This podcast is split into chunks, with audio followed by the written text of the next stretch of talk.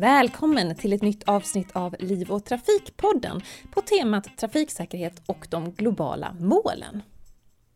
Den här podden görs av NTF Väst i samarbete med forskningsplattformen Safer. Och jag heter Natalia Tjako. Och vi har kommit fram till det nionde och sista avsnittet i vårens serie. Och som avslutning på det här temat så ska vi prata om att arbeta tillsammans. Trafiksäkerhet ingår både direkt och indirekt i flera av de globala målen. Och samtidigt är alla målen absoluta och inget är viktigare än det andra. Det innebär att arbetet med de olika målen, såsom trafiksäkerhet, jämställdhet, fattigdom och klimatfrågan, måste ske parallellt. Så hur görs detta rent konkret? För att få svar på det så hörde vi av oss till Magnus Granström, föreståndare för Safer, som alltså är ett kompetenscentrum för trafik och fordonssäkerhet. Vi ser till att forskare som finns inom de här, det här området, som ju är ett ganska brett område, eh, har en möjlighet att komma tillsammans, eh, mötas, eh, fånga upp frågor, få lyfta sina idéer och eh, vad man faktiskt eh, behöver hjälp med och därmed eh, och därifrån då eh, kunna ta det vidare till att skapa projekt, eh, ofta forskningsprojekt av olika slag. Men vi jobbar också mycket med kunskapsöverföring, kunskapsutbyte och se till också att resultat från de här forskningsprojekten faktiskt kommer ut och blir kända. Och vi pratade med dig just för att du har den här överblicken. Globala målen innebär ju att vi ska jobba mot x antal olika mål parallellt, att alla målen är lika viktiga Eh, och att det behövs samverkan då för att man ska nå dem. Om vi bara börjar med de globala målen, vilka ser du som de största utmaningarna för att nå dem? Det är klart, det gäller att skapa då de här förutsättningarna, inte minst ekonomiskt, eh, att kunna göra det som, som man har kommit överens om. Och det betyder ju också att man behöver ju framförallt också hjälpa då låg och medelinkomstländer eh, där de här utmaningarna kanske är allra störst. Och det ser vi ju också i i mm, de globala målen. Där finns ju också väldigt tydligt uttalat där vissa av de här adresserar just den delen eller de delarna av världen på ett speciellt sätt. Då. Så det ställer ju ett större, större, större ansvar på, på oss i den rika världen också att vi faktiskt hjälper till med det här och inte minst ur vad det gäller trafik, eh, trafikolyckor och trafiksäkerhet då, så menar, vi har ju kommit ändå ganska långt. Vi är långt ifrån i mål, men vi har kommit ganska långt eh, här. Men det finns ju enorma utmaningar i andra delar av världen. Så att dels det och dels också hitta den här som man ju är ute efter med, med de globala målen, att inte ställa saker mot varann utan att det här kan ju faktiskt hjälpas åt. Man måste inte ställa transporteffektivitet och säkerhet, om vi tar det som konkreta exempel, eh, mot varandra, utan det här kan man ju faktiskt lösa gemensamt om man bara tänker till. En annan utmaning eh, det är ju att det finns ju mycket, inte minst på tekniksidan, det finns ju mycket som är utvecklat som har kommit väldigt långt, men som kanske då inte nyttjas eller har, har förutsättningar att nyttjas i hela världen. Jag tänker på skyddssystem av olika slag då, som, som har, vi har utvecklat här och aktiva system som undviker olyckor och så som, som inte alls finns i många fordon i andra delar av världen idag. Då. Så att, att få ut det här utan att det heller kostar alldeles för mycket, det är också en, en utmaning. Ja, hur ska, hur ska man jobba med det för att få ut den kunskapen som finns här? Ja, nej, men det, är en, det, är en, ja, det är en jättebra fråga du ställer och den här, och den här stångas vi faktiskt en hel del med. Jag försöker stöta och blöta i olika sammanhang för att kunna göra det på ett så smart sätt som möjligt. För det, det fungerar ju inte heller att komma med någon slags sån här eh, storebrors eh, inställning att ja, men vi kan och vet hur man gör det här, utan det handlar ju också om att se till att hitta lösningar som fungerar i respektive land, respektive stad kan det ju vara. Man måste tänka till per per plats på något sätt. Eh, för det går inte bara att kopiera. Men jag tänker det här som du pratar om att det, är, det måste ske det måste ske samtidigt och det är ett långsiktigt projekt. Och det handlar också om att det är många olika discipliner som måste jobba tillsammans. Eh, att då trafiksäkerhet går ihop med hållbarhetsmål och hälsomål eh, och så vidare. Hur gör man för att eh, få ihop olika discipliner och få dem att jobba tillsammans? Precis, hur gör man det här i verkligheten? Ja, vårt centrum vi har här är ju ett sådant exempel då där vi har genom åren liksom byggt det här. Vi har en blandning av eh, Eh, de med mer teknisk bakgrund, ingenjörsbakgrund, men också beteendevetare och så vidare. Vi skulle vilja ha ännu mer kunskap från, från eh, säga, socioekonomiskt perspektiv och så än vad vi kanske har idag. Så jag tror att vi är ganska tydligt på väg åt det hållet. Eh, sen kan man inte alltid bara, man kan inte tvinga folk utan man måste hitta de här frågeställningarna som gör att ja, men här är jättespännande, det här vill vi gärna göra tillsammans. Man måste lära känna varandra, man måste också förstå att olika discipliner har lite olika sätt att jobba, man har lite olika traditioner man kommer ifrån och så, så att det är en, det är en resa mycket eh, som vi jobbar med varje dag här egentligen, hela tiden försöka skapa det här förtroendet också, att man vågar, man vågar öppna sig, vågar ställa de här frågorna. Och sen givetvis alltid i de här, i de här sammanhangen så kommer den här frågan, okej, okay, men vilken finansiering finns det? Vad finns det för pengar? Men Det kostar ändå pengar, det är timmar det handlar om. Det är också den här balansgången mellan att kunna hantera de här tvärgående frågorna på ett bra sätt, samtidigt som man inte vill på något sätt skjuta ner den här eh, vad ska man säga, kärnforskningen där man verkligen behöver gräva riktigt djupt och gräva vidare och jobba, jobba och jobba för att verkligen förstå okej, okay, här, hur ser vår benstruktur ut i kroppen och vad är det som gör att olika människor drabbas på olika sätt vid en olycka, till exempel. Då. Eh, så att man måste kunna hantera de här, alla de här dimensionerna tillsammans och det är ju inte helt, eh, helt enkelt alla gånger.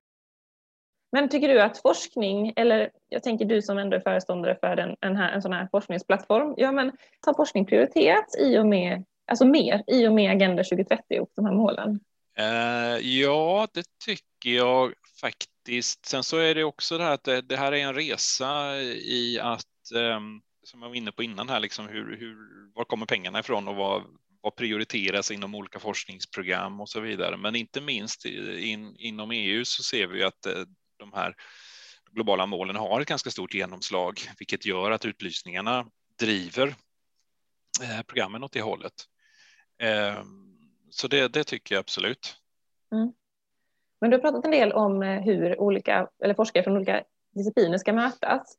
Men hur tycker du att det är med eh, att nå ut med den kunskapen till resten av samhället? Hur bra är både ni och vi på det? Det här kan man ju alltid bli bättre på. Eh, visst är det så. Och, och sen handlar det ju om eh, alltså forskarvärlden, om man tar den ur ett någon slags universitets och institutsperspektiv kanske, så är den ju driven fortfarande med all rätt av att man ska publicera, man ska få ut sin forskning i vetenskapliga tidskrifter och det är också det som som är meriterande för en forskare, man ska få sin doktorsexamen och man ska gå vidare och så vidare, så, så behöver man ju göra det. Man behöver ju visa vad man har kommit fram till och att det är trovärdigt.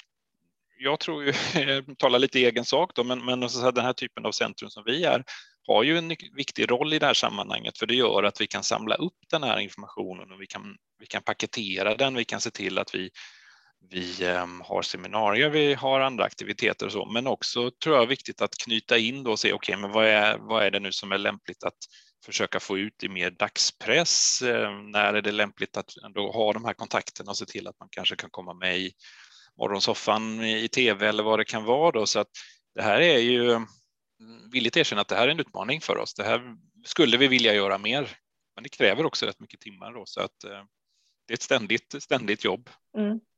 Men vad tycker du krävs då av um, de som ändå planerar våra städer och näringslivet och alla, alla andra ute som i verkligheten, om man ska säga så, men som eh, ja, bestämmer, ja. beslutsfattare. Vad behöver de, hur behöver de agera? Ehm, jag nämnde innan här att vi till exempel har, har Trafikverket och Transportstyrelsen och i, i dagsläget och Göteborgs stad med oss. Eh, jag skulle vilja se ännu fler partners med den typen av, av eh, kunskap och ägarskap av frågor just för att kunna driva det. Jag ser att vi, vi, går, vi går åt det hållet och jag tycker också att vi, eh, vi har sett i Sverige att vi, vi har en väldigt bra dialog mellan till exempel fordonstillverkarna och och eh, myndigheterna och så vidare på det sättet också så att man, man kan vara ganska öppen och prata med varandra om hur, vad är det som funkar, vad är det som inte funkar. Sen hamnar man ibland i de här, okej, okay, men vems ansvar är det här nu då? Och vad, är, och vad ska en privatperson ställa för krav och, och, vem betalar vad och så vidare. Men det som vi ser att det saknas ju oftast inte intresse utan det saknas ju oftast att man, man helt enkelt inte riktigt hinner engagera sig. Man skulle ju så gärna vilja vara med i det här och det här projektet och, och vi försöker underlätta också på det sättet att se till att vi kan få den här inputen på lämpligt sätt. Men, men ehm, det, där tror jag vi alla kan, kan bli bättre. Jag bara tänker det också. Ehm, hur jobbar ni för att, som vi pratade om tidigare, för att nå ut med den här kunskapen till låg och medelinkomstländer Eh, och de beslutsfattare som finns där?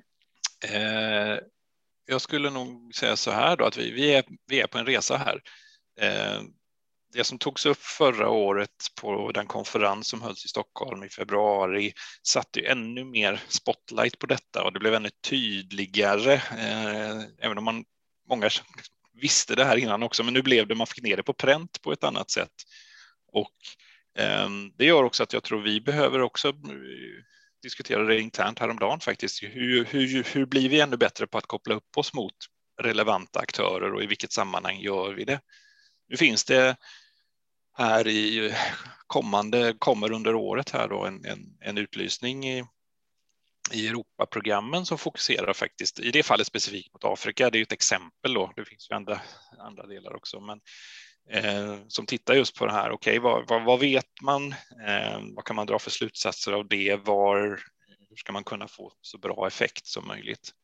Inget klockrent eh, riktigt svar, utan det här är en, det här är en läroprocess och en resa som mm. vi eh, som vi är i väldigt mycket tycker jag. Och återigen då just kunna kunna dra nytta av vad finns det för kunskap ur ett medicinskt perspektiv? Vad finns det ur ett ekonomiskt perspektiv? Vad finns det ur ett tekniskt perspektiv? Och så måste man då hitta det, skapa den där smältdegeln, men också hitta rätt. Det handlar ju ofta också om att hitta rätt individer som, som, som klickar och ser, oh, ja, men det här, det här vill vi ju faktiskt verkligen göra tillsammans.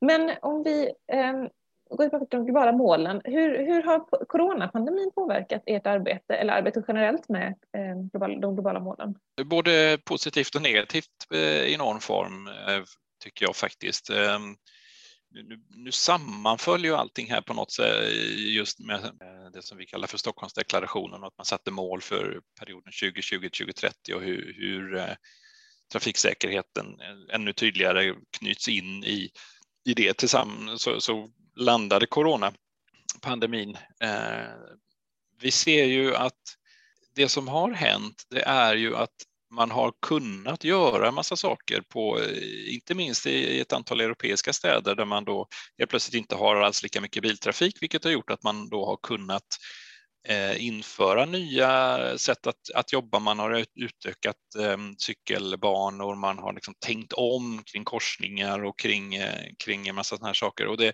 lite krast kan man ju säga att det blev möjlighet att göra experiment i någon form på ett helt annat sätt än vad man hade egentligen vågat, vågat drömma om ur ett forskningsperspektiv. Då.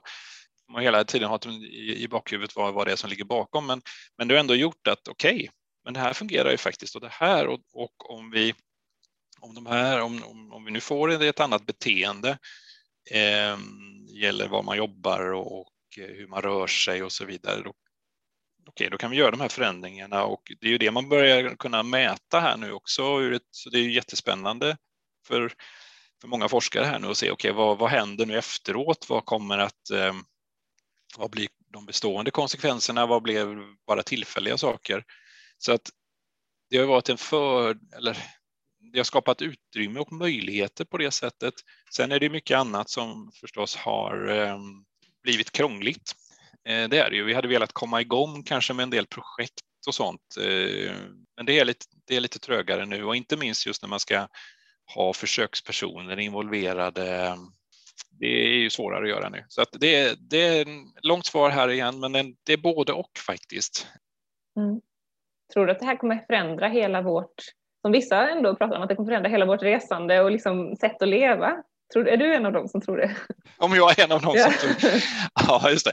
Jag, jag ger nog ett sånt där typiskt svenskt svar då att, att det, det, jag tror att det, en hel del saker kommer ändå att här, gå tillbaks, men jag tror att vi kommer att ha ett antal, ett antal förändringar som blir bestående och jag tror ju som många också säger det här att, att man kommer ha den här blandningen av att jobba hemma och jobba på kontor, eh, vilket ju påverkar påverkar eh, det beteendet. Sen tror jag det som blir jättespännande att se och hur man ska tänka, det är ju också den här vi vill ju också se till att vi får en aktiv mobilitet.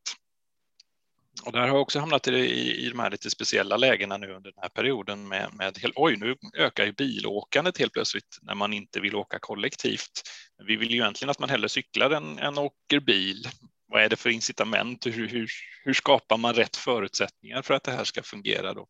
Och delad mobilitet. Ja, det finns många sådana här spännande frågor eh, framöver, men jag tror också hela tiden det här att man eh, ännu mer ser till att man kan gå hand i hand med eh, jag tror eh, Claes Tingvall nämnde det också i första, första avsnittet här för er som inte har hört det att just det här, det är så lätt att man ibland ställer, ställer saker i motsats. Ehm, men i det stora hela blir det ju bättre om vi tänker både tillgänglighet och effektivitet och säkerhet tillsammans. Det finns ju egentligen inte det ena utan det andra, utan det måste ju det måste hänga ihop då. Mm. Om jag då ställer samma fråga till dig som jag ställde till Claes Tingvall, tror du att vi kommer nå de globala målen? Tror du att det, ja, vi kommer nå dit? Alltså de är ju ganska, de är ju ganska utmanande. Jag tror, jag tror ju så här att vi kommer, att, vi kommer att nå delmål. Vi kommer att i delar av världen ha uppnått en del av de här målen. Jag, jag har väl, om man är, jag är ändå en, en eh, positivt lagd människa, men jag tror ändå att eh, det kommer ju vara en utmaning givetvis, för de är ganska, ganska tuffa. Men eh, om vi har det här som inriktning gör ju ändå att vi tar oss åt rätt håll och vi kommer ju att spara och rädda många liv, men inte minst också just det här att, att bli av med de långvariga skadorna. För det är ju också en jättestor fråga. Det är inte bara, jag ska inte förminska det på något sätt, men dödsfallen är liksom en aspekt av det hela. Men sen har vi ett stort mörkertal i de som, som blir allvarligt skadade och får lida och ha det med sig resten av livet. Då. Så där finns det ju väldigt, väldigt mycket att göra.